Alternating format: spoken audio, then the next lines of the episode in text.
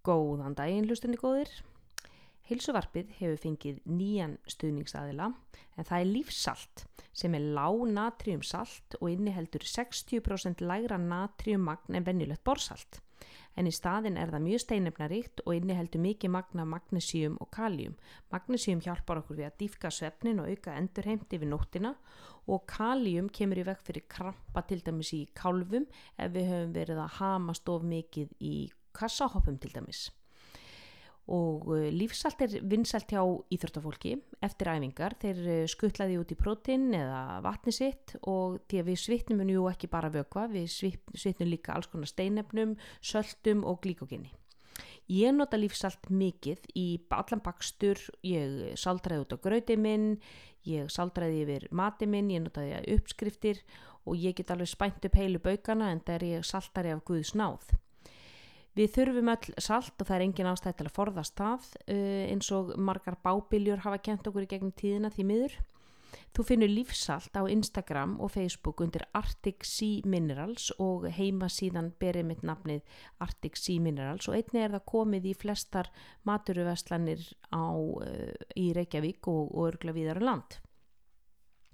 Nú þessi þáttur að heilsuvarpinu er einni í bóði Ná á Íslandi sem flytja inn hinnar frábæru appusinu guluvörur Ná. Um, í tengslu við þennan þátt sem að fjallar um streitu vil ég mæla með rótióla eða burnirót. Ég hef oft mælt með þessari, þessari, þessari jurt uh, hér í heilsuvarpinu og við mína skjólstæðinga en burnirót er svona það sem ég kalla svona adaptogen Um, og það er svona ný tegund af júrtalifjum sem að hjálpa okkur að glíma við streitu, koma böndum á kortisólið og er algjör leik breytir fyrir alla sem að er að glíma við kulnun, streitu eða örmögnun. Ég nota rótjóla sjálf og bara get ekki mælt nógu mikið með henni. Eh, ég mæli með henni líka við alla mína skjólstæðinga sem er einmitt að glíma við streitu og þeir lýsa allir sömu áhrifunum sem eru að smám saman verður einhvern veginn lífið auðveldara og hindranirnar og streituvaldarnir verða ekki eins óyfir stíganleir og þeir voru áður. Uppalega var hún nótuð að rúsneskum hermönum til að auka framistöðu en einni hefur hún verið nótuð hjá ymsum þjóðflokkum til að auka vinnuþrek og langlífi en hún eigur innbeitningu líkamlegt og andlegt útalt og vinnur gegn streitu. Hún er, þetta er jurt sem að vex upp til fjalla og hún þarf að hafa mikið fyrir lífinu og hún skilar þessari mótstöðu til okkar með því að gera mótstöðu aflega okkar betra. Hún hefur áhrif á innkýrtlakerfi líkamanns og framleiðslu á taugabóðumnum eins og serotonín, dopamin, adrenalín, noradrenalín, kortisol og dregur þannig úr streytuviðbröðum. Nú hún gagnast afar vel í orkuleysi, deburð og skerpir á einbeitningu og virkni heilans og hún víkar einnig út lúnaberkjunar hann ef fólk er að fara til dæmis í, í fjallgöngur eða er að fara að ferðast á, á, á svæðum þar sem eru háfjöll þá getur verið gott að taka smá kúra rótjóla áður. Rótjóla fæst á náfoods.is, það er ný heimasíða með alls konar fróðuleik og greinar og ráðleikingar og uppskriftir og þar má vestla allar náfururnar á einum stað. Kóðin rakkanagli 20 gefur 20% afslátt af öllum vörum og þennan sama kóða má einni nota á háverslun.is og þar getur þú fundið hinn flottu sundfött spító, þú finnur konvers skóna, íninga, snirtifurnar og fjölmart fleira. E, einni minni á afsláttakóðan Ragganagli í Under Armour sem gefur 20% afslátt af öllum æfingaspjörum og Ragganagli 15 gefur þér afslátt í veganbúðinni en það er að finna ótrúlega margt gómsætt salgæti og góðgæti. Ég mæli sérstaklega með Tom Oliver stikkjónum. Þau eru eins og bráni í áferð. Þetta er svona eins og, já, eins og borða bara góða brúntertu og kaffibræðið, kaffigaurin frá Tom Oliver er, ég get ekki mælt nógu mikið með honum, það er himnasending til mannkins, það er bara þannig. Uh, ég vona að þið hafið eitthvað gagn og gaman að þessum þætti sem að er, að er að fara í loftið með mér og átna. Átni getur látið móðan mása um, um streitu, kvíða, þungliti, debur, allt sem að kemur við kemur sálfræði. Hann er sálfræðingur, starfar hér í Kaupanhöfn, við erum saman með stofu hann er eh, ekki bara hafsjór, hann er heilt sólkerfi af eh, vittnesku, þekkingu, fróðuleik og hann kemur með ótrúlega mörg góð ráð sem að nýtast okkur í, í að glíma við streitu, komi í veg fyrir streitu og skoða svona okkar eigin, eigið hugsana minnstur. Þannig að hér rótu við vel í verkværakistu sálfræðinar í þessum þætti. Ég vona að hefði gagn og gaman af, gjöru svo vel, hér er átni og ég að tala um streitu.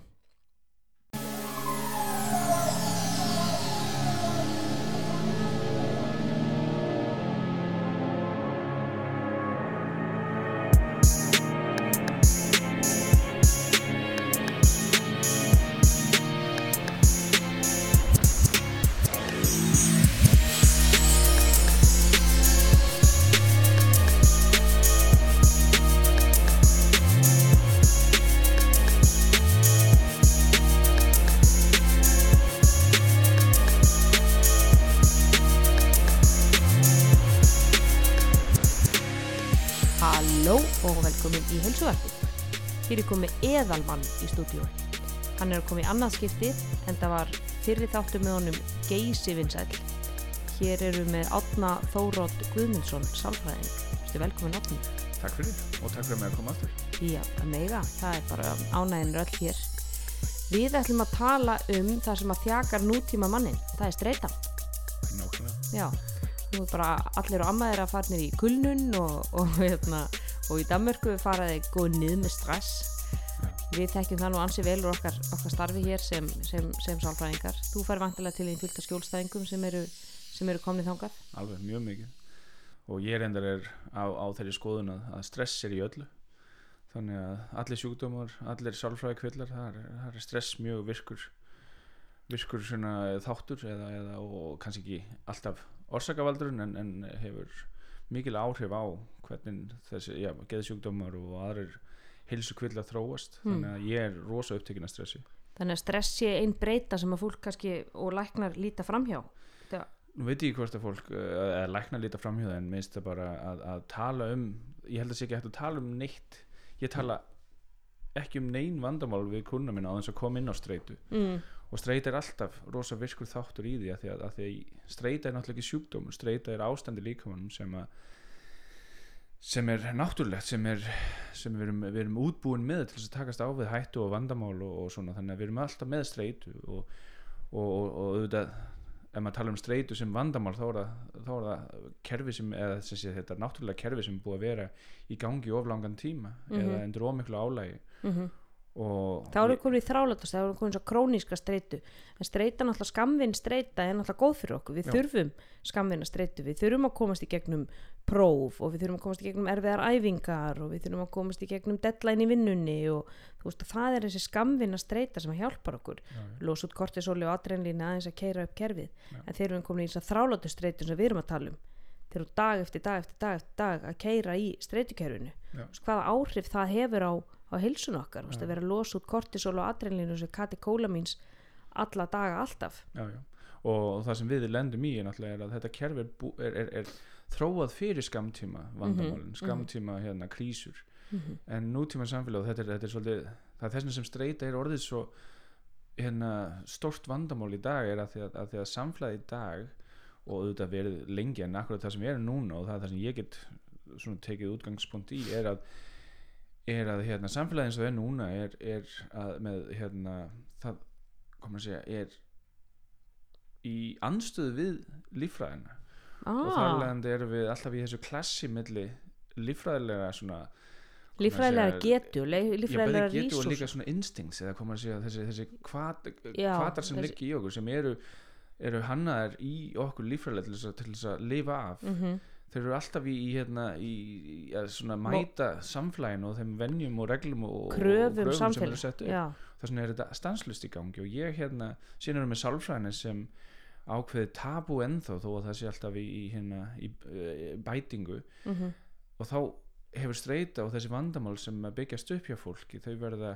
normaliseruð fyrir það fyrsta Mhm. og svo er fólk náttúrulega oft seint að sækja sér aðstofar eða, eða sækja hérna koma að segja Ráðgjöf já, eða- eða faglega, við- faglega aðstöð til þess að geta tekist á þetta þannig að streyta sem við mætum í dag hún fær leifi til þess að vera í of langan tíma. Þannig að við erum alltaf með króniska streytu við erum alltaf með fólk sem að og, og ég hef sjálfur lent í því sko upp á vissumarki að, að maður svona segir við sjálfan sig þetta, þetta, þetta tekur enda hérna, ég þarf bara að komast yfir þennan hérna mhm, mhm. og svona heldur maður áfram að, að, svona í raun að, að venjuleg, venjuleg gera hérna þreytuna, eða Já. streituna þannig að hérna og þetta álag og það er alltaf, er alltaf nýr hérna deadline eða, eða nýtt hérna verkefni sem það bara klárast og svo, svo tekur maður alltaf nýtt verkefni og eins Og segir við. við erum alltaf að normalisera streituna og við, og við ve- venjumst þessu ástandi mm. og þegar maður, þegar maður segir við fólki ég held að þú sért bara með ég held að þetta sé bara gríðarlega streita sem er að hrjá þig nei, nei, nei, nei, nei, nei, nei.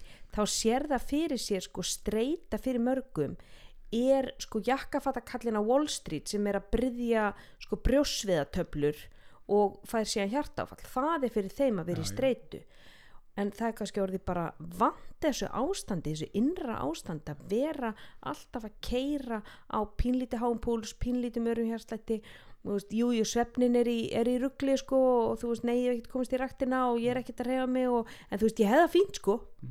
En það er í rauninni allt í mólum og svo þá kemur að skuldadugum. Ég held að það sé einmitt akkurat máli við erum alltaf að normalisera reyna að normalisera streituna Já. og telja okkur trúum og blekja okkur sjálf heyrðu, þetta verður allt í leið bara þú veist, klára bara þessa skýslu hérna bara skila henni og bara slaka hjá. En það er bara alltaf nýtt og nýtt sem kem, tekur við. Og það held ég að sé líka það er ákveð í samfélags hérna, struktúrnum eins og er núna við erum alltaf að fá þannig að það er ekki bara við normalisum það heldur allt samfélagið að normalisera Mhm. þetta. Þetta er, þetta er orðið sko ég, hef- ég er með þessum með ákveðna tilgáttu að, að, að tæknithróun sem er orðin sem hefur gert ákveðna hluti auðveldara fyrir okkur hún hefur líka með, með sér eða færi með sér ákveðna áhætt á streitu af því að áður þegar maður þurfti að hérna, senda kannski bref eitthvað þá gekk svo tími sem kannski við, við, við fáum ekki þessar náttúrulega pásu sem komu af því að, að hægara samfélagi. Þannig að núna gerist allt svo hratt þannig að það er alltaf verkefni það er alltaf svarið er komið við, alltaf, við, erum endalast með eitthvað þannig að það er aldrei það kemur engin náttúrulega hérna pása nei. sem kemur í, í byggtíma og við höfum í lengan byggtíma lengur og við erum líka með þessa tæknithróun og auðvitað erum við núna að tala kannski ákveðna klísju við vitum um þessa tæknithróun við erum alltaf í hérna alltaf tengdur en, en það að núna getur maður alltaf tekið vinna með sér heim. Já, hún er bara í síman, Já. hún er í e-mailinu eða kröfurnar á okkur. já, kröfurnar á okkur eru orðnar svo mikla hrafin er orðin svo mikil þú fær tölvupost og það er eiginlega svolítið ætlast til þess að þú svarir honum strax. Þú fær skilabóð á Facebook það er ætlast til að þú svarir því strax.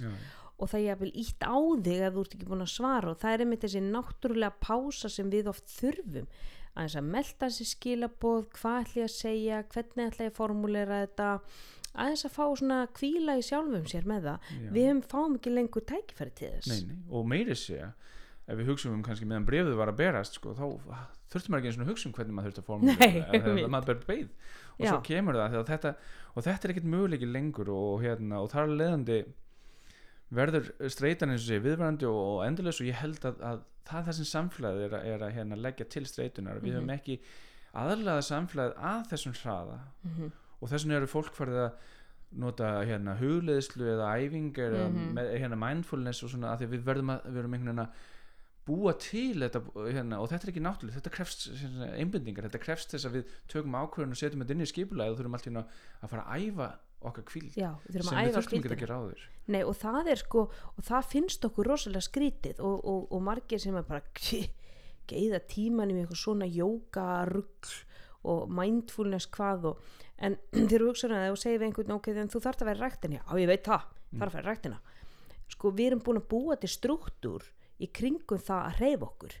Myndir hitta mann frá 150 ára síðan eða bara þú veist, eða stittra jafnvel já heyrðu við erum svo með hérna loftkælt svona loftkælt herbeggi eða svona loftkælt rými þar sem við erum með fullt af ykkur svona stál, stál stöngum og, og, og, og plötum og við liftum þeim upp og setjum þær aftur niður það er svona til þess að við getum hreift okkur Já.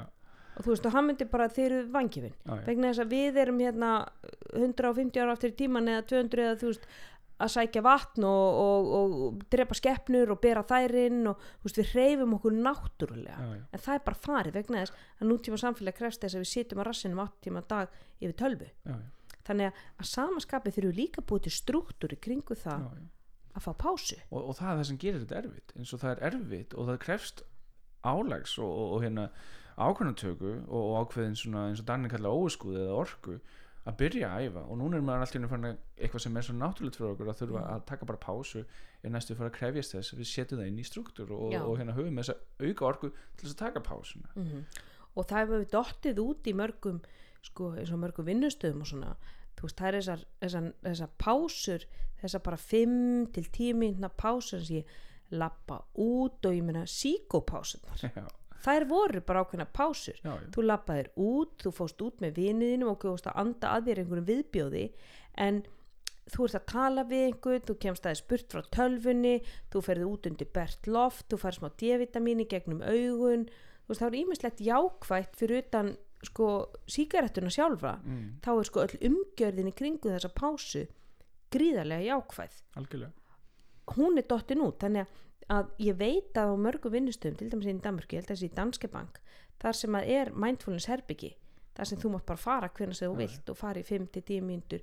Ég veit til dæmis líka upp í Ice Pharma á Íslandi er komið svona virtual reality mindfulness sem að starfsmenninni mega nota sem þið vilja dagsins. Og þá fara þér, ég prófa þetta þá fara að setja á sig glerugu og þú ferð, þetta sérst íslenskt eitthvað og þú setur að þig glerugun og allt í ertu bara komin á þingvelli eða út á skóafoss og það er bara náttúru hljóð og, og þú ert bara að slaka og það er bara tónlist á bakvið og þú ert bara, bara slaka í 5-10 mínútur þetta er bara svona prógram. Mér finnst þetta algjör briljans já, hljómar alveg frábælega já, eina vandamáli náttúrulega, þá þarf maður alltaf að setja þetta inn í skipulaði sem maður þarf að taka Já. ákvörnum að gera þetta mm og fá þetta upp í vana því að annars er verkefnið alltaf það sem að því að streitukerfið er náttúrulega krísukerfið og það er alltaf að takast á við vandamálið og, og þetta hérna er svona luxus Mhm. að taka pásuna þegar þú ert alltaf með verkefni þá á kerfið á náttúrunar hendi alltaf eftir að leita í verkefni sem býður Mhm. og þess vegna krefst þetta í raun ákvörðumtökun sig og orku Mhm. og, og skipulegs að fá þetta herbygg inn eða fá þessa hérna, mindfulness herbygg inn já, og þess vegna held ég að þó að þetta sé að þetta algjörlega pottitt skrefi rétt átt þá þarf náttúrulega að gerast meira til þess að, hérna, að gera þetta að, að rútinu helst í vinnudeginum sko, að, Já, hérna, að fyrirtæki ekki bara bjóða upp en, en helst kannski setja inn í, í skilduræknin nánast nánast að það sé þá bara ok, nú er hérna nú fer hérna, alveg eins og þetta var alveg eins og þetta er til dæmis í búðum og mörgu vinnustöðum þegar nú fer Siggi og Gunna og, og, og Kolla þið farið í kaffi núna mm. þú veist það þarf eiginlega bara að, að koma þessu þannig inn, bara nú farið þið þrjú upp í mindfulness herbyggið já, já.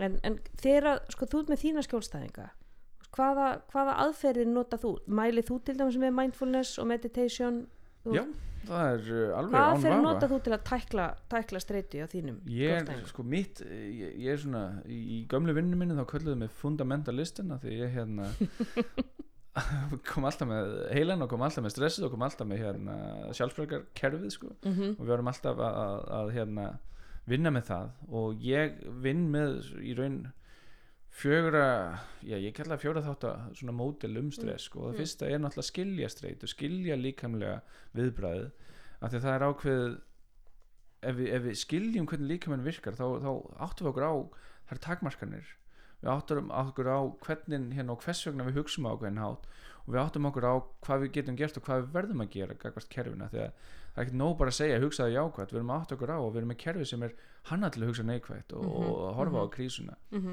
þannig að, Þannig að skilja streitu það er fyrsti, fyrsti er í þessu fjóra þáttar og það er bara Hvernig- líffræðin, fara í gegnum líffræðina fara í gegnum heilin, skilja við erum með tvíþættan heila annar er lókiskur já, og, og það er þessi nýju heili sem já, gerir okkur framheilin framheilin og þessi stóri þannig mm og, og það er það sem gerir okkur að, að, að þessu frábæra vandamáluleysandi samvinnu hérna, fyrirbæri sem við erum manneskju. manneskjum sem gerir okkur í raun hæfari heldur en dýrin til þess að leifa á þessum sem við erum efst í, í dýrreikinu Mhm.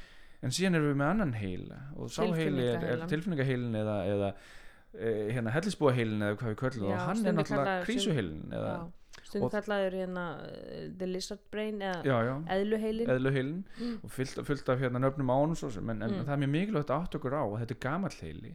Mhm. hann er alltaf verið þannig að hann, við fáum hann frá hellisbúanum að hann fylgdi okkur. Og hann tekur yfir þegar að streitukerfið fyrir gang. Algjörlega. Þá og það er mikilvægt. já, þá fer framheilin bara í fría og í bísa sko, Já, og, já. og, og, eðluheilin tekur yfir. Og ástæðan fyrir því er að framheilin er of, er of sinn hann er of, hann er of hægur hann er líka orkukrefjandi hann er orku, hann er líka hann þarf, ef ljónið er að koma, þá er hann að hugsa hvert á ég fara það er ljón að koma, hmm, mm. pluss Mm. mínus er við að fara í þessa átt eða já, þessa átt mm. en, en krísuheilin segir ljón að koma, við hlaupum bara Já. og svo, svo hérna, verður við bara að takast á við afleðingarna eftir á af því að þú ert komin í fight or flight ástandið Já. og þá dettur framheilin út líka vegna þess að hann krefst svo mikillar orku. Og við erum að spara orkuna, við þurfum orkuna í vöðvana ef við ætlum að berjast þetta ljón. Og það er náttúrulega frábæra viðstreitu kerfi þetta, er- þetta er frábært kerfi. Mm það er hanna til þess að hérna stjórna hérna hvar við notum hérna orkuna og, og, og forgangsaða orkunni og setja ákveðin hérna kerfi í pásu til þess að geta hérna hvað maður sé fengi mest út úr þeim kerfin sem þarf að nota Einmitt. sem eru vöðvakerfið og, og hérna einbindingin og minnið og allt þetta sem hérna dregur þarf að vera í gangi. blóðið úr sko öllum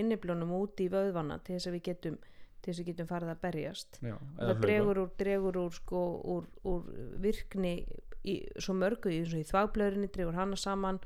Veist, við höfum ekki verið að leysa ykkurar krosskátur þannig að framheilin fyrir bara í pásu og þannig að tilfinningaheilin tekur yfir sem er miklu hraðari vinsla Já. þannig að sko það líka minn er svo magnaður hann er svo magnaður í að láta okkur lifa af. Já, og pældi þessum skilningi að því hér mætum maður svo með, með skjólstæðing sem kemur til mín og segir en ég veit að þetta er ekki svona en þá mm. erum við að tala um framheilan sem er að segja þegar þú ert að tala við mig þá er framheilan að segja auðvitað veit ég að þetta er ekki svona en ég er að segja nei krísuheilin hann er búin að ákveða að sé svona. Mm og hann stoppar hérna framheilan, hann stoppar lógiski -hmm. að því að lógikin er of orku uh, kre- krefjandi Mm. og, og hæg. Já, þannig að mjög mikilvægt að vita líka að krísuheilin hann hugsa alltaf hvað er að vest sem getur gæst mm -hmm. og hann á að gera það. Mm -hmm. að hann á alltaf að sjá hvort það sé einhver möguleg hætta Mm og það er mjög mikilvægt að því að þannig lifa Já. þannig tökum við ekki sjensa -hmm. þess vegna er, er áhyggjur og hérna að fara út í þó að þetta séu ekki nema 0,01% líkur á því þá á heilin í raun, krísuheilin að finna þá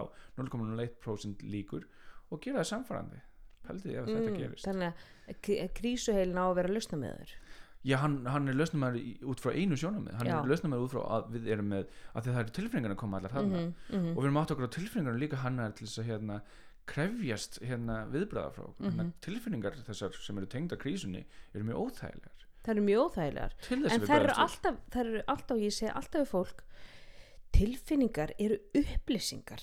Og við erum alltaf svolítið að bæla niður tilfinningar. Og við erum búin að fá það frá batnæsku að ekki, við meðum ekki vera reið. Og, og svona svona. Verður nú ekki að gráta yfir þessu. Svo, það er hérna, hann meinti ekkert með þessu. Ná, áfram, viltu ekki bara fá íspinna þannig við erum að bæla niður við fáum aldrei að upplifa neikvæða tilfinningar. En þær eru upplýsingar fyrir okkur. Og um leið og bara ég var bara, sko, heyrum rannsók bara í morgun þar sem að sko, var, því var leifta sko, fóreldra og lefði því að, hvort það var YouTube myndbandi eitthvað, þau lefði því að gráta. Þetta er svona þetta mindful parenting. Lefði barnin að gráta og lefði því bara sitja í reyðinni Já. Og með tíman þá verður reyðin miklu stittri alltaf í hvert skipti hjá barninu og síðan lappar það að pappa sínu tekur það utanum hann og setur upp í sér snuð þannig að það veit að það hefur stuðning og skilning á því að það er allt í lagi að vera reyður og verður bara, sittu bara í því. En við erum alltaf að íta því í burti á börnum þannig að við sem fullorðin erum búin að við erum orðin bara præmuð í það að við viljum ekki upplifa neikvæða tilfinningar. Við viljum Já, ekki upplifa reyði, við viljum ekki upplifa pyrring við viljum ekki upplifa kvíða, ekki hræðslu ekki óta, ekki neitt, við erum alltaf að reyna að sefa það niður. Já, ef ég er hrætt á henni fyrir flug, hvað ger ég? Drekkum bara fullan þú veist, við erum alltaf að komast út úr einhverju ástandi. Ef ég er kvíðin, ég tek einhverja pillur. Ég, ég, ég ætla aldrei að upplifa þetta. Nei. Og óþægilegar hugsanir, ítið þeim í burtu í þeim í burtu, sópaði myndi já, og þetta er, þetta er annað dæmi um hvernig samfélagið og, og, og í raun náttúrulega kerfið koma upp á móti hvort öðru mm Mhm. -hmm. samfélagið er líka með það er ákveðin boðskapur í samfélaginu að við erum með glöð og ánæðu og, og hugsa og, mm og það náttúrulega vinnur á móti náttúrulegu eðli sem er að við erum alltaf fyrst að finna hvað sé eitthvað hættulegt fyrst að Mhm. finna hvað sé eitthvað sem er mögulega að og við eigum í raun að vera neikvæð mm. Mm. það er mikilvægt upp, Já. upp á að lifa. Og þetta er mjög mikilvægt og þess vegna er kerfið alltaf sett í gang og þegar við upplifum svo streitu enginni þá er það kerfi sem er áfram annarkvort undir álægi, það er alltaf að nota eh, batterið -hmm. eða við erum í endalaust í að nota krafta til þess að íta eða reyna að bæla einhvern tilfinningum niður eða bæla niður einhverjum hugsunum. Og þetta getur líka verið streituvaldir Mhm. og svo eðum við orkun og þá tæmum við batterið aftur. Og, og streita sem sé þessi vondu áhrif af streitu er þegar batterið tæmist. Já, að þegar batterið tæmist þá þarf hérna líka mann ennþá að sækja sækja orkun einhverstæður þá fyrir hann að borða sjálfan sig Mér nánast. finnst svolítið gott sem þú segir með, með, með batterið hann, hann Gústi Læknir, hann kom inn og talaði um streitu í, í, í þætti hjá mér. Og hann talar um sko að við erum svolítið eins og GSM sími. Þú veist, við erum með öll öppin opin. Og, og hvað gerum við með síman ef að símin er þannig að öll öppin eru opin þá er það bara sjúa batterið úr símanum, þannig við fyrir heim og hlöðum hann gefum hann smá pásu, setjum hann í hlöðslu við erum sjálf yfir allan daginn með öll öppin opin við þurfum að vera, þurfum að, veist, við þurfum að hugsa um vinnun okkar, við þurfum að sækja batni við þurfum að skutla því í leikskólan sækja það eftir leikskólan, við þurfum að fara með þe- þennan krakka í fimmleika og veist, það þarf að vestla í matinn og þetta er bara öll öppin okkar sem er opin Já, já. hvað gerum við þegar við komum heim? fyrir við leðslu? Nei, við höldum bara áfram, áfram, áfram já. og hvað gerum við síma? ég meina endanum brennu síminu hann bara, hann við erum sjálf, náttúrulega erum ekki þeim eiginlega búin við verðum batterislaus við verðum batterislaus á endanum það kemur að skuldatugum, það Já, kemur að því að batteri klárast Já, já. og við þurfum að fara í leðslu þá þurfum að vera í langa leðslu þá þýðir það, þú því miður þú ert orðin veikindameldaður í vinnunni Mm. og þú kannski farið niður með stress. Mm. og þetta við erum að tala um fleiri mánuði í mörgum tilfellum og, það getur verið sko og ég man að ég upplýði svona tvö augnablík eða tvö, tvö tímabil þar sem ég var und, undir miklu álægi, sko, streitu álægi mm. ég fann alveg streitu enginni mm. ég hætti ekki vinn ég, var ekki sjúkra eða sem fór ekki á hérna fór ekki í veikindarleifi en ég Mm. fann það og það, og, og það kannski kemur inn og þú, þú spurði mig ef við tölum um hérna það eru nokkra típur af streitu ekki bara jakkafattakallin en ég hef Mm. líka upplýðað koma að segja jakkafattakallin sem Mm. hafði bara mikið að gera Mm og það var, það var allt öðruvísi streita heldur en fyrir streita mín sem var, var með vandamál sem ég gæti ekki leist -hmm. og svo erum við þriðju streituna sem er eh, hérna, tilgangsleysi eða hérna, að, að finnast maður vera fast, eh, fastur í einhverju sem er án, án framtíðar eða án tilgangs. mm. og það er, það er þriðja streitan. Það getur verið til dæmis, þú getur verið í fastur í sambandi sem þú ert ekki ánæður í. Yeah. þú getur verið fastur á, í, í vinnu sem er ekki að gefa eða og vinnuleysi. vinnu í al- jafnvel atvinnuleysi og þá ertu einmitt, þú ert ekki, þá ertu orðin tilgangslaus sem þegn samfélagsins. Þú getur líka verið að vinna einhverju vinnu þar sem að er ekki krafist að þér sko þína sko, þí, þína gáfur og þína, þína akademísku afreg er ekki að fá að, á að skína, þú ert kannski að vinna vinnu sem þið finnst vera svona kannski fyrir neðan þig, það er líka ákveðin streita svo er líka önnur streita það er til dæmis eins og bara ofþjálfunni og já, það er það, er líkanlega tæ- og, og það finnir er og það, það gleyma hann stundum að hugsa að því að maður notar æfingu sem meðal móti streitu Mhm. en æfingar taka náttúrulega frá saman batteri og, og, og hitt, þannig við erum bara með eitt batteri og það er eitthvað sem ég hef upplifað sjálf sko. ég er svona þessi, þú þekki það nú ég er svona aukakenda manneskja í æfingum að ég fór í gegnum svona ofþjálfunar tímabil og þurfti og tók mér langan tíma að vinna úr því. Já, og, og, og finn það alveg sko að miðtöðakerfi hjá mér það er það er mjög viðkvæmt sko. Ef ég, ef ég leifi mér að fara aftur sko, já, heyrðu þetta er bara komið núna nú er ég bara fín sko. Já, að þá lætur að mig vita miklu fyrr, þú veist, ég þóli miklu minna álag heldur en, heldur en áður. en það gerðist. Og það sama er með langvinni streitu hvað var það vinnu, hvað var það hjónaband, hvað var það erfileiki fjölskyldu miðtöðakerfið er það man. Og það er að því að streitukerfi stjórna minnun okkar. Mm -hmm. og það er mjög mikilvægt að við munum hvar við vorum í hættu síðast þannig að við getum bröðist við. Af því að ef þú þarfst að fara í gegnum sem hérna hellisbúið þarfst að fara í gegnum einhvern dal þar sem þú veist að það eru háa líkur eða stóra líkur og hérna fá ljón upp í fjesið á þér þá verður þú að fara með allar öll skinnfæri opin og vera á vakt eftir öllu. að sérstaklega ef þú að hefur mætt ljónið þarna áður.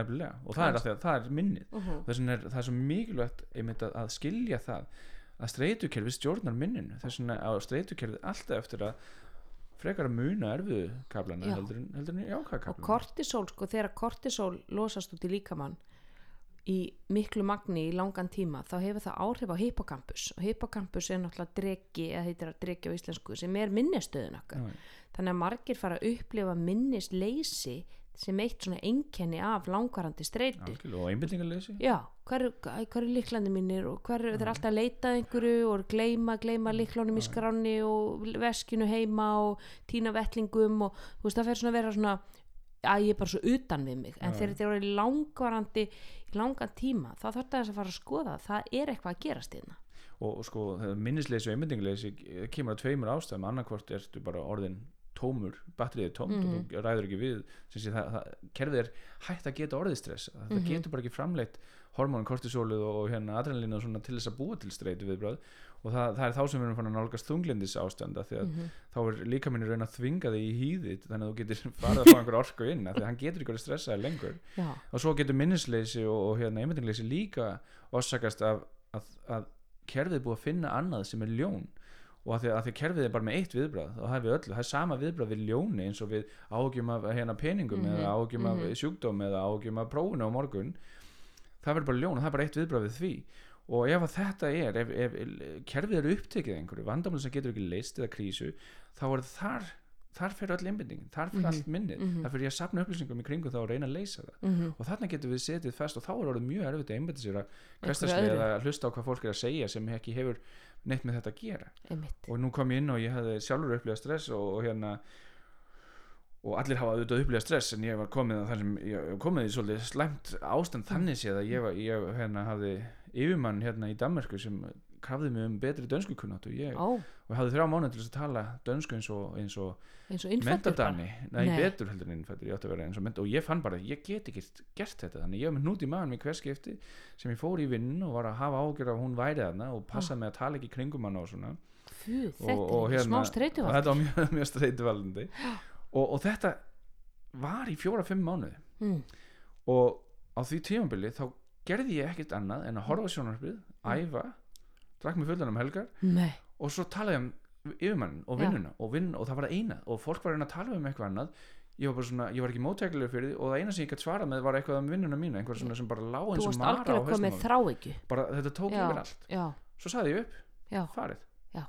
Vandamáli deginum eða mínútunum sem ég sagði upp þá var vandamáli leist og hafði, hún hafði ekki á mig lengur þannig ég var ekki lengur að fela hvað ég var að tala ég hilsaði henni með hávaru, hægi og, Já. og hérna einhverju eh, íslenskum brjáluðum hreim bara. íslenskum hreim, já, já. og hún hafði ekkert á mig lengur. Já. og, og það, það vinna var að þá var vandamáli list og þá var streitan bara farin og það var rosalega magna hvað gerist hratt. Já, og þessi nátti ég vona því þegar ég fór í næsta streitutjömbil sem var að vinna of mikið í of langan tíma í 2-3 ár og ég var fann að finna það að þetta hefur áhrif á skapferli og bara, Mhm. mamma sagði alltaf hvar er, hvar er gamli átni Mhm. sem var glaður? Já, og, og, það svona fekk mig til þess að hugsa og þetta var ég lengi að hugsa þetta og lengi að taka svo sem ákvörðun um þetta af því að maður var alltaf handa við hodnið alltaf Mhm. hérna bara æfir þennan hjalla mhm, og svo þegar ég loksins þá, þá var aftur vinnu álag sko, og, þá, og þá var álag þá var það hérna jakkafættagörinn sko, mhm, að þá var ég að vinna á mikið var alltaf með hérna, alltaf að svara e-mailum og með tvöfald að vinnu og svona og það bara, ég bara, batterið var bara tómt hreinlega mhm, og svo segi ég upp í vinn eða sem sé aftur og eða helminga vinnuna mína og það gerðist ekkert Nei. ég var jafn úrillur, jafn þreytur jafn uh, vonlítill og Ah. jafn uh, hérna, hafði engan áhuga eða, eða löngun til að tala við fólk í frítíma Ah. og það gerðist ekkert og ég var bara svona, hey, byrju, síðast já, þá- síðast þá- fór þá bara stressin þetta bara. já, en það sem ég, þetta tók mig þrjá mánuði fjóra mánuði að komast yfir og, og svo þegar ég byrja að finna gleðin og léttin koma aftur. Mhm. Og hvað ger ég þá? fyrir að vinna meira aftur. Auðvita, auðvita, já, Þannig að núna er ég aftur nýkomið, það, gekk ekki eins lengi núna, núna er ég sem aftur búin að, núna hætti ég alveg í hinni vinnu, núna er ég bara en sjálfstæður. hvernig leit það út fyrir þig að, að sko vinna á streytunni hva, hva, hvað, hvað aðgerði gerði þú til þess að sko minga streytuna og áhrifinnar á heilsunaður Sko í, í tímabilinu þegar ég var í streitu, mm. og það er kannski liðu tvö í, í mínu strei, streitu svona streitu, módeli, já sko. Ég kalla það sko að hérna slökva elda og það er bara, ein, slökkva elda já, eða svona brandslugni kallar það á dönsku, mm. -hmm. það er aðlægt til maður lærir fyrsta tungumálið í sálfræði verið danska, þá hérna verði einhvern veginn að þetta allt yfir íslensku. já, en hérna það er einfallega batterið er tómt, ég verð að fá hérna, ég verð að fá einhver, einhver skona orku inn á batterið mm þannig að það er náttúrulega bara kvíld í einhverju formi hvernig sem það er. En þegar ég var í vinnu álæginu þá komst ég að ég gætt haldið mér á floti. Þetta er ekki langtíma lausn ég, ég held mér á floti. Mhm. að það var ákveð tíðanbíl sem ég þurfti að, að, að ná þá var ég með þrjá mánuði í vinnu eina viku á sólastund að gera ekki neitt. Ó. þá meina ég lá bara á sólastund að gera ekkert Var bara á þú varst bara í all inclusive þarna ekki stakstu átna bara í samband. Já, já, já, og þannig bara hlóði ég batterið. mhm, kom aftur, átti frábæran fyrsta mánuð eftir ég kom uh, aftur og ég var svo ég var bara bestu útgána mér sem sálfræðingur. Mhm, mánuðu tvö, þá var ég góður sálfræðingur. Mánuðu þrjú, þá fór ég gegnum sko bara re- hérna going through the motions sem maður kallar það á, á, á, ennsku ég gerði bara það sem lá mest náttúrulega það var engin, það var engin hérna það var ekkert auka. ekkert auka og engin svona fjölbreytileiki í því. Ég Nei. var ekkert kreatíft í Mm. gangi. Og svo tók ég viku aftur og þá endur startaði ég þannig að þannig gæti ég haldið mér á floti. Mm -hmm. en síðan náttúrulega varði ég á endanum að breyta þessu. Þetta var ekki, það var ekki að halda þessu út mm -hmm. halda þetta út í langan tíma. Þannig að það sem ég geri sko ég, hérna, eitt af því sem tekur rosalega miklu orkur að maður er alltaf að ræða við sjálfan sig maður er alltaf að rífast við sjálfan sig Mhm. til dæmis var hann ég á þessu tíðanbili að, að ég að, nú kom að lofta þinn Já. að, að hérna, ég man á þessu tíðanbili að, að ég reyndi líka að æfa mjög mikið því ég hef nú alltaf verið líkansræktin líka Mhm. og ég var að reyna að æfa fjóru-fimm sinni viku meðan ég var í tvöfaldri vinnu og ég, ég fann það ofta að ég var að hjóla heim klukkan 8-9 kvöldin búin að vera í vinnunni í 12-13 tíma Mm. og ég var samt að eiga þessu samræði við mig farðu á æfingu, þið líður betur eftir á. Næ átni mundu það, æfingar eru í raun sko, þú ert ekki með orku í þetta. Mm. þannig að þú mátt bara taka pásu núna. Já, næ farðu á æfingu, það er bara tekur létt æfingu. Já. Og svona gæti, og ég heiti rosalega orku í þetta. Mm þannig að það sem ég áttaði mig á var að ég hérna var að búa með til reglur. -hmm. reglur meðan, bara, meðan á þessu stendur og þessar reglur hérna, sle- hérna hlífa er við þessari, þessum samræðum, þessum innra díalóg sem þú átt. Mhm. þannig að ég bjó bara til reglur sem þú mátt ekki æfa eða þú ert að vinna til sjö eða setna ah, góð regla. Og það var ótrúlega léttir á leiðinu heim. Ég þurfti ekkert að ræða mig lengur. Ég var bara búin búin til reglu. Ah, og það sem ég gerir með skjólstæðing með þessu er að ég vinn mjög mikið með þannig er ég svona pínu strángur að að, að við verðum einhvern veginn batterið er tómt, við verðum að gera eitthvað. Já, en að sko það er líka auðvelt að fara í hináttina að ok þá, fyrir marga, þá myndi það líta kannski, þú sko, við erum kannski á hinum endanum, ég og þú við förum á æfingar svolítið no matter what þú Mm. veist, og við kannski eigum það til að kannski æfa of mikið og æfa við erum þreytt og æfa við erum svöng og fórna svefni fyrir æfingar og svo leiðis um, margir eru kannski hinum einn sem að æfa of lítið og er ekki að æfa nóg að þeir myndi jafnvel taka svona reglu og búana sér í hag þannig að sko þeir fari aldrei á æfingu þannig að hvernig myndir eiga það samtal sko það sem ég mæti mjög oft hjá fólki sem er með tóm batteri og þau erum í liðtöðu sem er að slökka elda þá, Mm. þá er þá er ég alltaf, þá nota ég líka reglu ég kann að vinnu áallin og, Mm. hérna, og það er oft fólk sem að segir og er að, til dæmis í námi og það er að reyna að læra heima Mhm. og uh, námsdagurinn verður lengur og lengur og lengri og þau taka þetta með heima og svona en þau ná ekkert að lesa, þau ná ekki einbytningu þau ná- mhm. hérna, eru alltaf að detta í sjónarpið eða eitthvað í staðinn Mhm. og, og svo alls konar hérna, aðrar aðtapnir eins og uh, þvottinn og, og Mhm. eitthvað svo leis Mhm.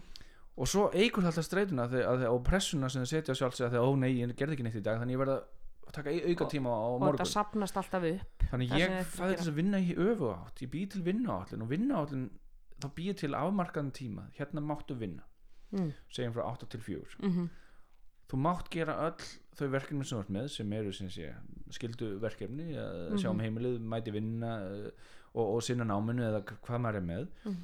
en þegar þú ert búin að ná þessum tíma og allt fyrir utan þann tíma þá máttu ekki vinna Mm.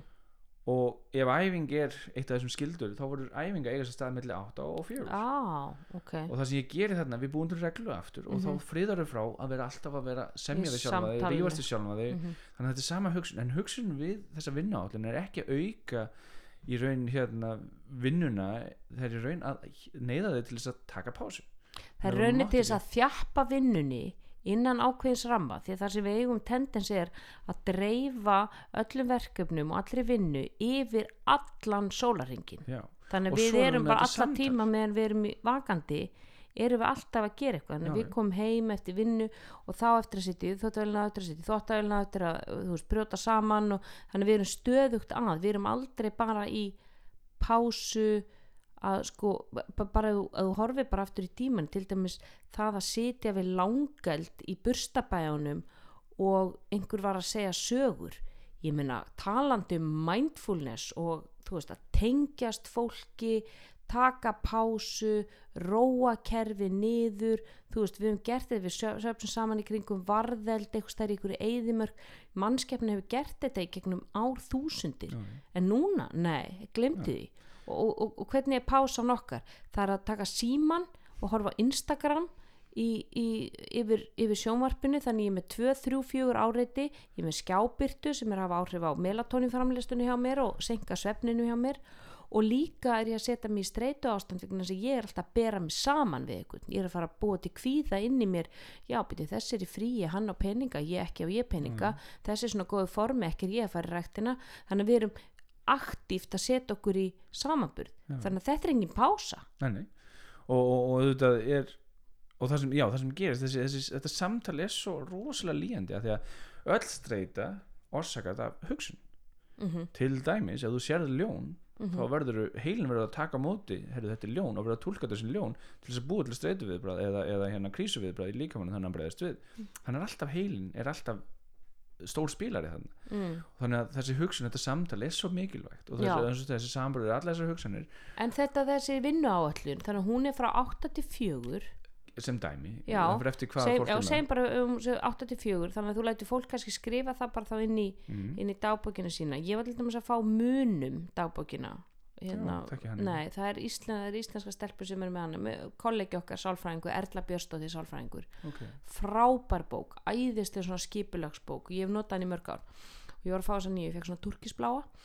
Og þá gæti ég kannski skrifað inn í hana frá 8 til 4 er ég að, er ég að ætla ég að vinna segjum að ég sé í skóla ég er í námi hérna í Copenhagen Business School ég er 24 ára og ég er í, í business námi og ég er að bugast Mm.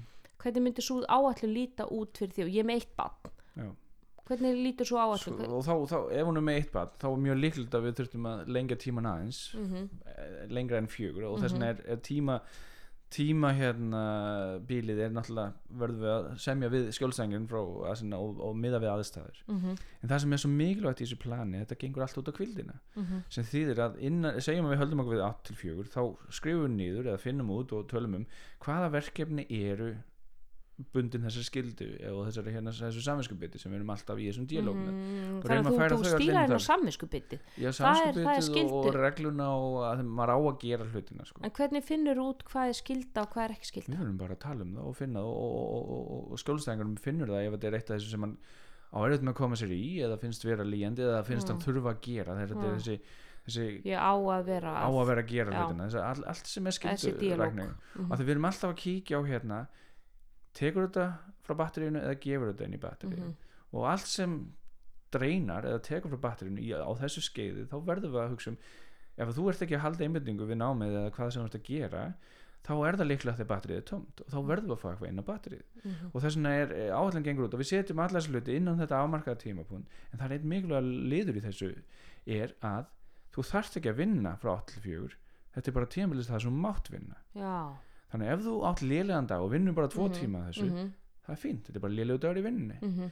næsti dagur byrjar klukkan 8 og er búin klukkan 4 Mhm. þú mátt ekki bæta fyrir það utan tímans Mm. og það er mikilvægst í þessu öll er að þú haldir tímanum sem er ekki í vinnu þannig eftir fjögur þá má ég ekki vinna segjum ég hafi samt ekki náð öllum þessum verkefnum sem ég ætla að ná í dag þá er það til bara betið morguns Já. Auðvitað er, verður alltaf að, að vera raunsæ og ef það er matseld eða eitthvað að þú ert með batn Mhm, og þú ert að mhm. gefa það borða þá voru, Mm. gæti það verið utan þessa tímaramma Mhm, en, en og, og hérna ef það þarf að sækja batni á leikskólanum og getur það fyrst klukkan hálf fimm þá er það líka sko, ég Mhm. þannig að við erum auðvitað að hafa raunsæ í þessu já, en já. það sem við reynum hérna er að pakka öllu inn í þennan tíma án þess að setja kröfu á að þau þurfi að hvernig lítur þá kvildin út eftir kljóðan fjögur það verður nú oft spennandi að fólk Já. hefur, hefur glemt hvernig það á að kvíla sig ég og það verður spennandi og það getur við rætt um það en, en oft er það bara, ef það má ekki má ekki vinna, má ekki Mm. gera þetta þá finnur, finnur þú finnur eitthvað að gera Já.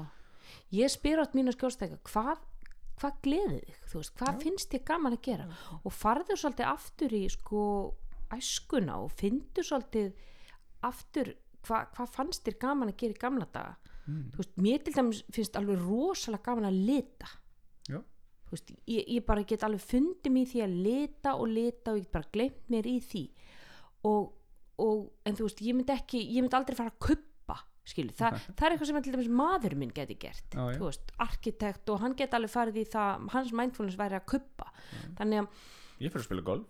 Þú farir að spila golf, já og þetta þarf ekkert alltaf að vera eitthvað fullorðinslegt skilu, Nei, þetta má líka fara veist, það má Netflix er alveg on hérna, ég meina í pásunni. Já, einmitt, en ég er í svona öðrum hlutum eins og já, ég var nú alltaf einn svona prjóna já, akkur prófar það ekki aftur? Eða ég var rosa duglega alltaf að föndra það ef einhvern veginn dott út, ok, og prófa það.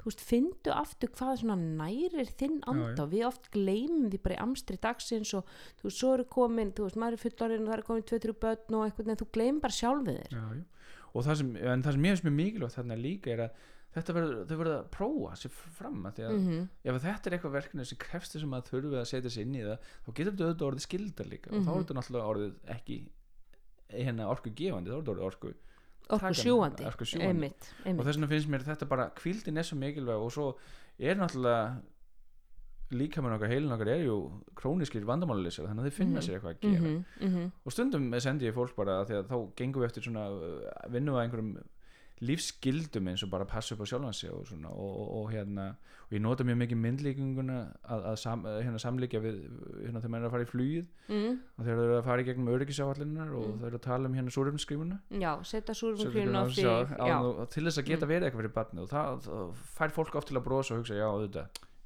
auðvitað það er svo augljóst þegar maður gera það svona já. ég, ég, ég tek þetta líka oft sko líkinguna um að við erum kannski, við búum á einhverju einhverju íbúðagötu og það kemur loftsteinn og hann lendir í miðri íbúðagötunni, getur enginn keirt Mm. á út úr, úr götunni. Og við þurfum að fá einhvern, einhvern traktor eða eitthvað til þess að, að koma og draga hann loftsteinn í burtu. Og það eru tveir í götunni sem eiga traktor Siggi og Gulli. Já. Siggi hugsar mjög illa um sinn traktor. Hann reyfir hann aldrei þú veist, hann lætur, það er ömulegt bensín hann er búin að standa þarna heil lengi. Þú veist, hann er allur í niðuníslu síðan er Gulli sem á hann flotta traktor hann er alltaf að pússa hann og alltaf að þú veist, fara út og keira hann og setur á hann alveg hágæða bensín og smýra hann og allt saman hvernig er ég að fara að tala við? já, já, það er nú alveg Já, þannig að hvernig þú hugsar um þig skiptir líka máli um það hvort að fólk leiti til því algjörlega en Hann er- líka ef þú hugsa um þig sem móður eða faðir mm. að geta verið þarna fyrir fjölskylduna sem er mjög líklega mikilvægast í lífiðinu og, og þá um- finnst mann oft að maður fyrir samskupið þegar maður er að hugsa um sjálfan sig en þú verður að gera það ég segi stundum sjálfsrækt er sjálfselska já. já.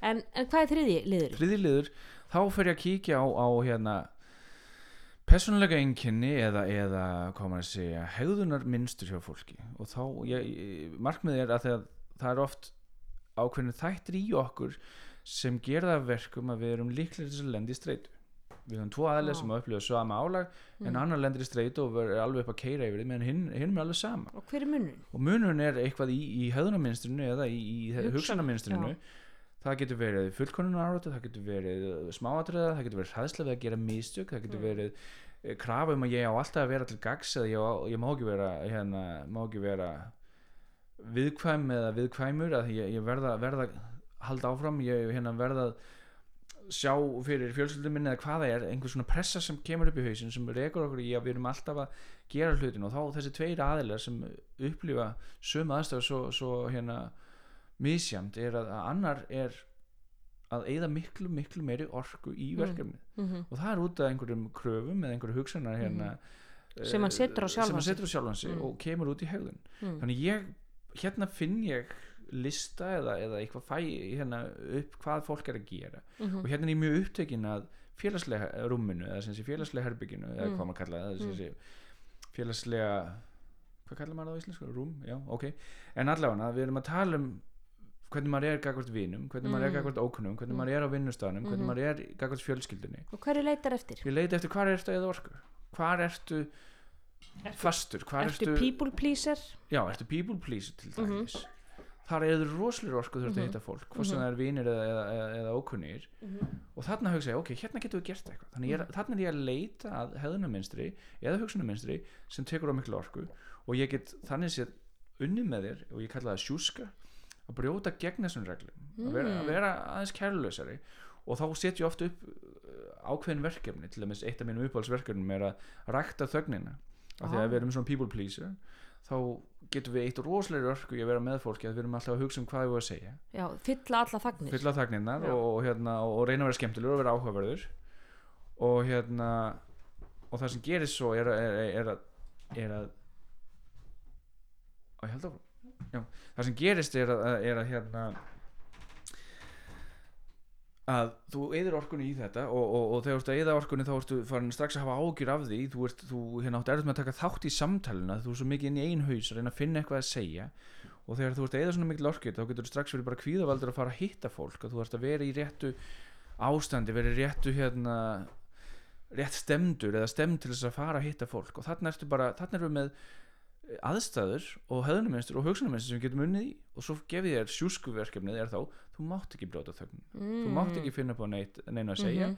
þú átt bara þegja og hlusta. Þú mátt svara spurningum Mhm. og þú mátt spurja sömu spurningar tilbaka en þú mátt ekki finna nýtt ah, og þetta er alveg magnað hvað svona einfalt. Já, einfald aðlögun getur, getur hérna breytt þeirri orku sem þú ert að nota í samtali eða í samverðu með fólki. Já, og þetta er ég líka með gagvart vinnu. Þá vorum við að tala um að fá fólk til þess að taka reykingapásur eða closetpásur eða Mhm, hvað er mhm. að, að gera, ég fæði stundum til þess að gera mistök í e-maili, skrifa í hérna, með stafsningavillum eða staðrindavillum af því að við erum líka búa til að það er ákveðin hræðsla sem liggur í hvað kerfinu. ef, að, ef ég gerum hvað hvað og við að, við erum að kenna fólki að höndla það. Í staðan fyrir að kenna fólki aldrei að gera mistök Mm. þá er ég raun að halda kerfinu í streitu. Já, þá vil ég frekar kenna fólkinu að höndla það að gera mistök þannig að það að gera mistök er ekki eins hættuleg já, og að átta sig á því afleðingarnar af því eru aldrei eins ræðilegar einmitt eitt uppáhaldsverkefni á mér í þessu er að láta mína skjólstæðinga fara mar margar svona, ég veist, mikið með konur sem að þurfa alltaf að hafa reynd og fínt heima hjá sér já, já.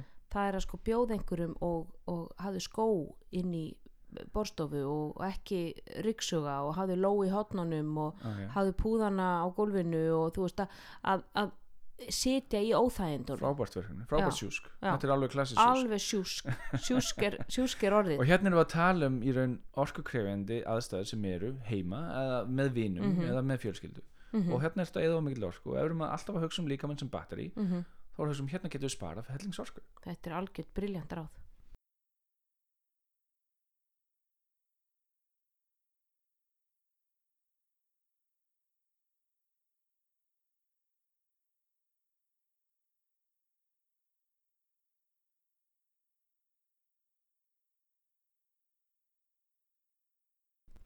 Jæja Átni, hvað er fjórið þátturinn? fjóruðu þátturinn er í raun innri upplifanir. Það er, það er að vinna með hugsanir og tilfinningar að þegar maður er að vinna með þetta slökku elda og, og, hérna, og vinna með að sjúska. Þetta myndi maður geta kallað svona frekar augljós hérna verkfæri eða hvað maður segja augljósar hérna breytingar sem maður reyna að gera hjá fólki eins og að taka pásu og fólk veit þetta yfirleitt. Þannig að það er ekkert ég sem er að koma einhverja hérna nýja, ný vísindi inn í, inn í lífið þeirra. Mm -hmm. og þá er oft eitthvað sem stendur í vegi fyrir það að gera þetta. Og Mm. það er yfirleitt hugsanir, samanskapið uh, skildurækni, eða þessi neikvæða hérna, sjálfskargrina hugsun að þú sért ekki nógu góður. Eða einhverja tilfinningarnar sem, sem er ekki eins og samanskapið kemur út í hnút í maganum eða hvernig það er, er óróleika eða hvað það geti verið. Og þessar hugsanir og tilfinningar eru ástæðan fyrir þau ger ekki þessar hluti sem eru augljósir mm. og þetta er í raun ástæðan fyrir því að, að, að þetta venjulega kerfi sem er mjög, mjög mikið notað sem er að setja markvis og hérna náanleg hérna markmið er ofta ekki að virka því að það er við vitum þetta og fólk veit þetta en, en það kemst ekki hérna því að það er endilega þessar hugsanir eða tilfinningar sem eru stá- í standi veginn Mm. þannig að þarna vinn ég mjög mikið með annarkvort ímyndun eða, eða bara búa til eða mögulega mindfulness Mhm. eða bara að vinna með hvernig getur þú hérna unnið með hérna áhyggjurnar? Eins og núna þegar ég tala um kvíðan þá tala ég um flugslis og fara allar leið með hugsun og það Mhm. er eitt af þessum sem ég gerir líka hérna er kvíði og streyta er oft bara mjög nátengt mjög nátengd þessi kvíði er bara í raun ákafari upplifun af, af, af sama Al, kerfi. algjörlega.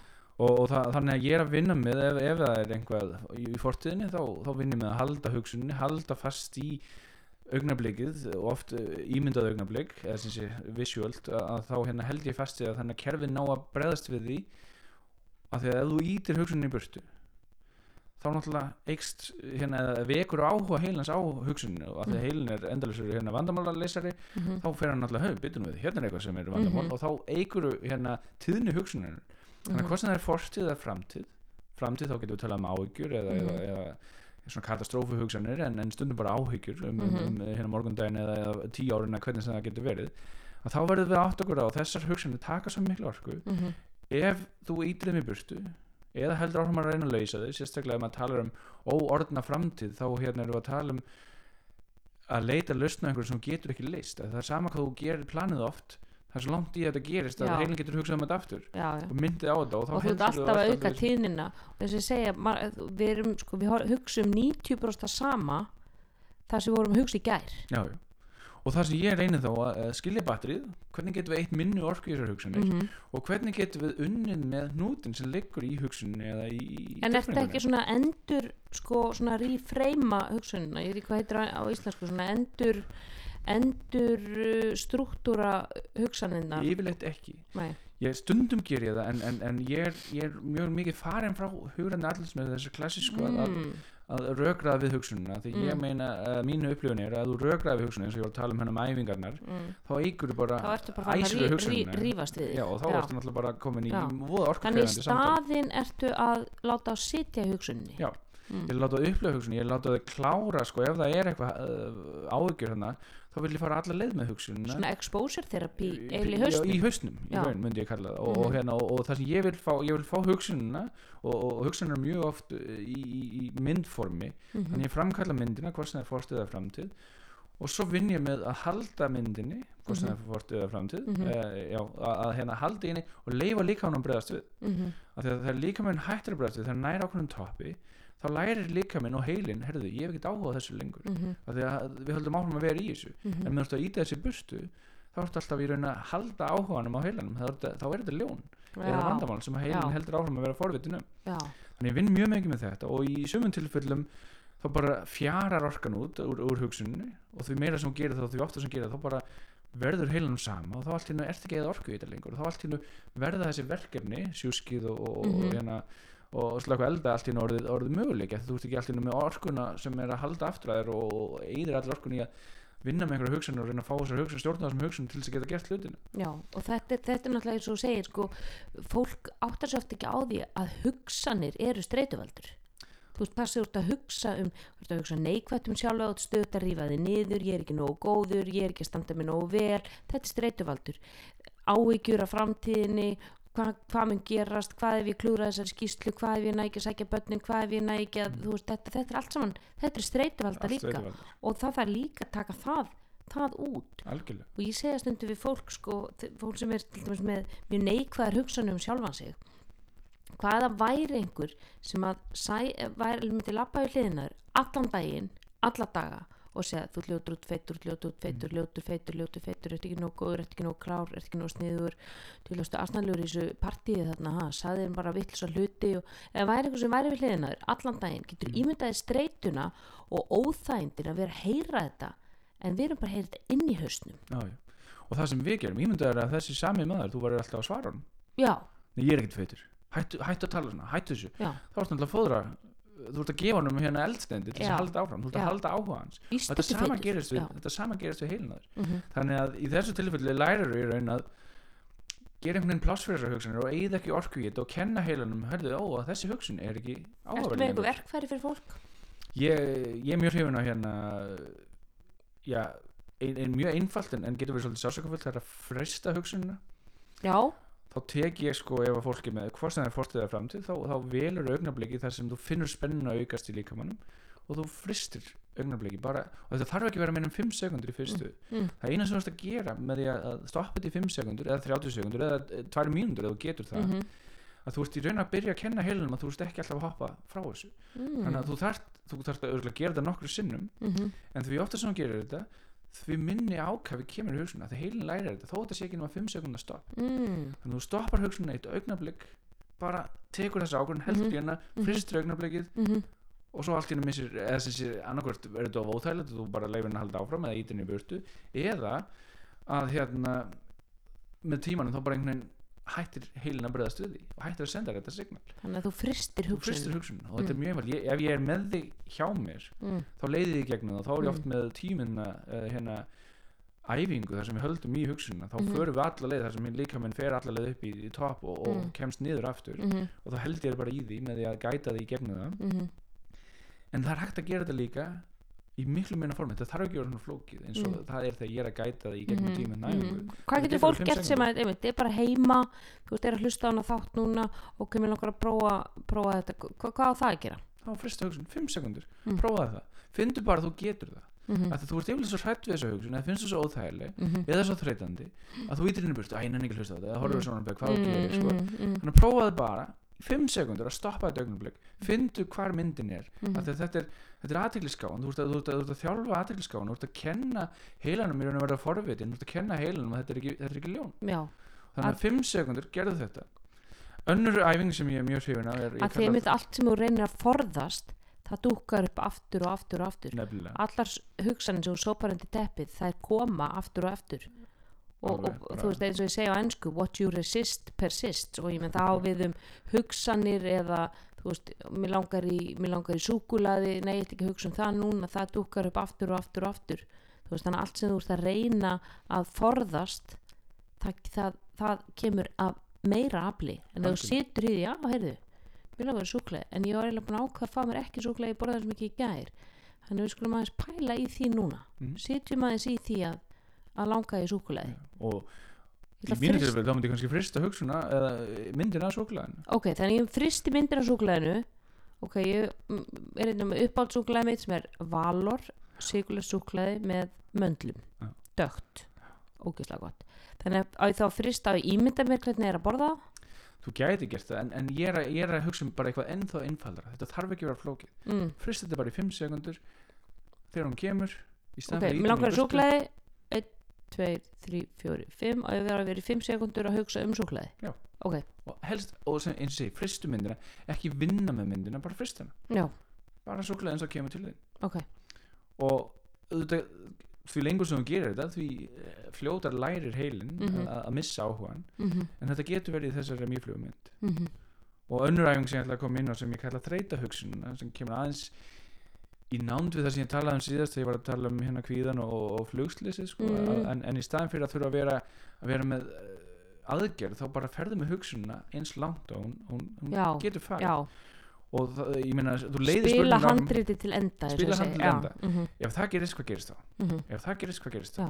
Og, að- og það sem við gerum oft sem að eh, við klúðrum þessari æfingu er að við fyrir síðan að leysa það. Ef þetta gerist þá fer ég bara í annan nám eða þá fer ég bara Mm. að finna bara annan vinnu mhm. Nei, þá ertu raun að, að halda áhuganum hjá hérna heilanum, þannig að Mhm. þú fyrir að segja hvað þú færði ekki aðra vinnu, Mhm. hvað gerist þá ég menn þá verði bara að selja húsnæði mitt Mhm. og hvað þú þarf að selja húsnæði mitt þá veit Já. ekki, enda einhverju blokk Hvað ef það, það selst ekki húsnæðið? og hvað selst ekki fastur? húsnæði Já, og þá mm, fæ ég enga pening fyrir gjaldrútt Mm. ok, hvað þú ferði gjaldrútt, hvað gerist þá mm. ég meina þá get ég ekki hérna síða fyrir börnunum Nei. eða og hvað gerist þá, kannski verði ég bara þunglindur og hérna missi kontaktin Já, kannski verið í róni bara á göttunum og- og og- börni og verða að fara að barnavendanemnd og já, þannig að þú getur farið áfram áfram í neikvæð áfram, átt. og í raun fer ég svo langt í, að eina, eina, eina hérna, þessi æfing stoppar þegar þú ert búin að upplifa þrjá hluti. Þeir eru orðið sama þú ert orðin þreyttur Mhm, eða þú ert orðin leiður. Mm, mm, að þú verður að fara gegnum sásökan mhm, og það sem við gerum við stoppum við sásökan og þá leysum það eða segjum að þetta ekki meira í huga mm Mhm. og þá, þá er heilin í raun búin að staðfesta mhm, áhugan en við verðum að fara í gegnum finnur já, og það er alltaf að verða leiður yfir þessu æfingu af því að kvíði eða streyta er ekki leiði. Mm, það er spenna. Já, það er spenna. það er að reyna að passa upp á því. Já, þannig að þú ferði gegnum það þar sem heilin þarf ekki að passa upp á lengur þá ertu búin að kenna heilin með eitthvað nýtt og þú þreytir hugsunina með því að spila handriti til enda. Yes. En þú fer þá í gegnum það á jákvæðan átt eða þú veist þess að forðast Nei. að þetta í þetta ég, en svo ég, er heimilislega svo róni á götunni? Ég, get, ég get komið eina, eina hérna persónulega. Ég hérna þegar ég var, já, búin að búa henni fjögur, fimm ára og bróður minn var á leiðinni einu ári hérna yngri en ég og við vorum alltaf bestu vinnir og við höfum alltaf verið bestu vinnir ég skulda hann 50.000 danskar sem er hvað nálægt miljónu íslenskar. Mm.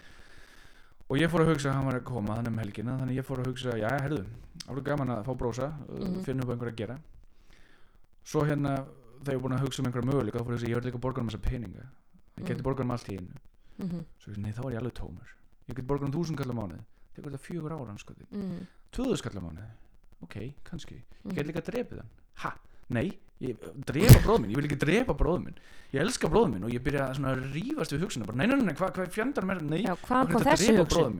Hvað kom þessi? og svo, svo að því ég var nú að vinna með þetta en ég hugsa, átni, átni, átni, stoppa það núna Já, ef þú ferð að neyta þessu hugsun, ef þú ferð að berjast þessu hugsun þá ertu æsana, þú Já. ert að vekja áhuga heilans þannig ég var að fara í gegnum þessa hugsun ok, hvernig lítur það út? Ef ég drep bróðu minn að þá þarf ég að fara í jarðaföruna og ég verð útskúfar fjölskyldunni og ég fer kannski fangelsi gæti verið. Sleppsandi að borga.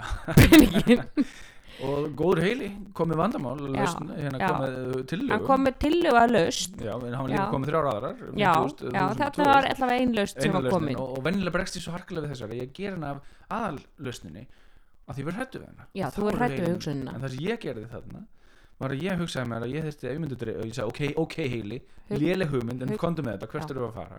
Hugsa um hana til enda. Já, og það sem ég heilin kom með við hendum honum á hjólun út í hérna Roskildevæg það er sem er traffic. Mm. en ef hann lifir af þá getur ég reynda að halda því fram að þetta hefði verið flugslis nei, Ég- flugslis, það hefði verið slis já, ef ég elda með hníf þá er erfið að halda því fram ef hann sleppur. Mm. síðan fór ég að hugsa um ég þurfti að ringi mömmu og hvað mamma er þið eðlöð og svo fór ég að hugsa að mamma vissi alltaf hver var morðinginni takkart þannig hvað hún gruna mig Mm. svo fór ég að hugsa pappa og fór að hugsa að pappi verður svona þá hans eðlöð þá sýnur hann það ekki ég var hálf pyrrað við hann Mhm. svo ég fór að hugsa akkur far pappi alltaf bara að vera í öðru sæti akkur er, Mm. akkur er mamma alltaf fyrst Mhm. pappi er búin að gera líka helling fyrir mig Mm. og fyrir okkur og svo fór ég að hugsa, herðu, ég er komin að gatnavótanum sem ég er að fara yfir Mm. hugsunum að fara Ah, þannig að þú hugsaði hugsunum til Hugsunum enda til enda. ég gaf Já. henni ekki leifi til að taka stjórnum og þetta er, þetta finnst mér sko, ok, við erum minna að taka mikið að Gunnar bróðin á lífi hérna, en, en sko að það að til dæmis að fá lag á heilan veist, það, það er í bílnum kannski á leiðinni í vinnuna þú heyrir eitthvað bútur ykkur lægi svo ertu bara með þetta lag á heilanum allan daginn, Mm. kannast allir við þetta já, já. ef þú ferð og spilar lagið frá upphæð til enda þá fer þetta já. sama með hugsunina ef þú leifir henni bara að hugsa hana alla leiðin gegn frá upphæð til enda eins og þú gerðir. Mm. þú veist, það var hann að Roskildi væði drepa bróðun með hníf og ringi mömmu og allt saman og er að fyrir og fangilsið og, og þú bara klárar hugsun og þá er þetta bara búið, þá er hann bara farin. Heilin missir á hann vissir áhuga. Og þetta er ekki að því að mér langi að dreipa bróðum minn þetta er einmitt, ég bara veit það að þessi hugsun má ekki fór stjórn. Mm -hmm, þá fyrir ég eða orku, mm -hmm, þá fyrir ég að vera hrættu við hana mm -hmm. og þá fyrir ég alltaf að, að, að nota streytukerfi og þá er ég komið fullt af orku þarna sem ég get notað eitthvað annað. Streytukerfið, þú virkar það þegar þú ert að bæla niður hugsanir. Og að því að eins og við komum inn á áðan það er hugsanir sem setja streytukerfi í gang. Það er alltaf Mhm. túlkun eða, Mhm. eða hérna, hugsun sem setur þetta í gang. Já, hvernig við túlkum hvernig, að því að sko tveir aðilar geta túlkað sömu aðstæður á mismunandi hátt. Annar það hefur áhrif á hann þannig að hann, hann fer veist í streytukerfið en engin áhrif á hinn. Og við þurfum líka að skoða hvað er þeir að koma með sér. Þeir eru að koma með ákveð hugsanaminstur inn í þessar aðstæður. Þeir eru með mismunandi hugsanaminstur, mismunandi bakgrunn. Og þeir eru kannski líka með fullt af öðrum streytuvöldum í sínu lífi. Ég meina, þú veist Siggi geti verið með veika móður og, og, og barninu gengur illa í skólanum og hann er sjálfur á ömulegum vinnustaf meðan að Gunni er bara allt í hangi dóri og einhyrtingar og regnbóar í hans lífi. Já. þannig að þú veist, sömu aðstæður geta vakið hvaðan kem ég hva, hvaða farangur er ég að koma með inn í þessar aðstæður? og, og ef batteri, ef þú ert undir streytu ef batterið er tómt þá hefur meiri tilhengu til að hugsa neikvægt og þú hefur meiri tilhengu til að fara í gömlu óþægilegu eða, eða hérna óskynsemu hérna höðunarminnstum af því að líkamann hefur ekki orkuna til þess að halda í nýju vanana eða, eða hérna nýju höðunina eða nýju hugsunina að, að hérna líkamann fer bara í það sem hann hefur æft mest. Já, og ef þú ert í streytukerfinu nú þegar vegna þess að það er streyta annars staðir í lífinu að þá ertu sko, þá er, er framheilin hjá þér ekki að fara að virkjast þegar þú kemur inn í einhverja streytuvaldandi aðstæður, einhverja nýjar. Já. þú segjum að Siggi með veikumömmun og badni einelti og er óanæður í vinnunni. Síðan eru þeir báðir eða báðir að skila skýslu á föstudaginn. Ég meðan Siggi er að bugast með að Gunni bara, það skiptir hann engum máli. Nei. það er vegna þess að sko Siggi er líka því að hann er, ennþá, hann er að keiri streytukærun alla daga að þá næra hann ekki að virka framheilan hjá sér sem að túlkar viðbræðið á lógiskan hátt. Mm. hann fyrir beint inn í tilfinningaheilan sem við talum á hann, eðluheilan, þannig primitífa. Og svo getur bara heilin ekki geta sko heilin forgangsraðar.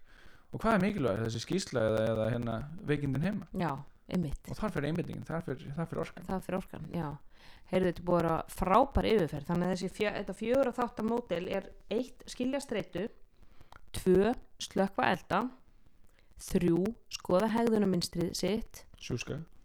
Sjúska. Hvað ætla það að segja á íslensku? Að vera, að vera sjúskaður. Að leifa sér að vera pínu sjúskaður í samskiptum eða heima að bara leifa sér að vera ófullkomin Já. það er, er eiginlega bara bottom Já. lineið og fjórða er að skoða sínu innri upplifanir. Þri, trista hugsun þreita hugsunina hugsanir og tilfinningar. Yes. Ég vona hlustandi góður að þið fáið einhver góð verkfæri í hendurnar. Hann átnið er náttúrulega sko, sko hann er ekki bara hafsjór hann er eiginlega sólkerfi af vitnesku þannig að það er alltaf hægt að sækja, sækja eitthvað gott til hans. Viltu segja eitthvað á lokumáni? ég bara sitt til með kjánabróst og lýsi mér svona glæsilega. Ég veit að en við uh, takk fyrir að mig að koma og vona einmitt að, að fólk getur nýtt þetta í eitthvað og kannski aukið smá skilning eða fengið smá verkfæri með í, í, í baráttuna. Já, í baráttuna við, við að eins og segjum, það er töff að vera tættur og tjásaður í dag og hafa brjálega að gera en við þurfum að gefa rými til þess að aðeins að taka smá pásu og, og, og, og bara leifa okkur aðeins að, að, að kvílast en til ykkur hlustundu góðir takk fyrir að hlusta heilsuartið og þannig næst, við erum les